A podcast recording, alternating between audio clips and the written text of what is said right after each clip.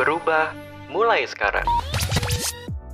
Dan di saat ekskul selalu hasilnya ini tidak sombong ya teman-teman. Salah satu yang lebih bagus daripada cewek-cewek yang lain gitu. Chef Audrey Wicaksana, alumni Sekolah Mulia Surabaya ini akhirnya berhasil meraih impiannya. Sebelum menjadi first runner-up Master Chef Indonesia, Kak Audrey terus membuktikan diri untuk bisa menekuni bidang memasak dengan baik. Berawal dari sebuah acara memasak di Dharma Mulia yang mendatangkan seorang chef, Kak Audrey berusaha untuk selalu menguatkan mental dan memiliki konsistensi yang tinggi untuk meraih impiannya.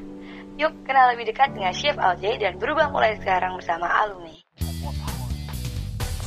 Halo semuanya, perkenalkan nama saya Audrey Wicaksana. Saya adalah salah satu alumni dari SMA Kristen Dharma Mulia and I'm the first runner-up MasterChef Indonesia season ke-7. Itu dari waktu kecil ya. Kecil itu kan mama kan jualan roti di rumah sendiri. Jadi waktu kecil bantuin mama bikin terus rasanya ini hal yang seru. Akhirnya ke bawah-bawah sampai SMP, SMA juga ikut ekskul kuliner. Nah, setelah itu di SMA ternyata kedatangan bintang tamu ada Chef Ken, juara tiganya season 2 ya, Master Chef ya. Terus dari situ tuh baru, wah aku suka masak.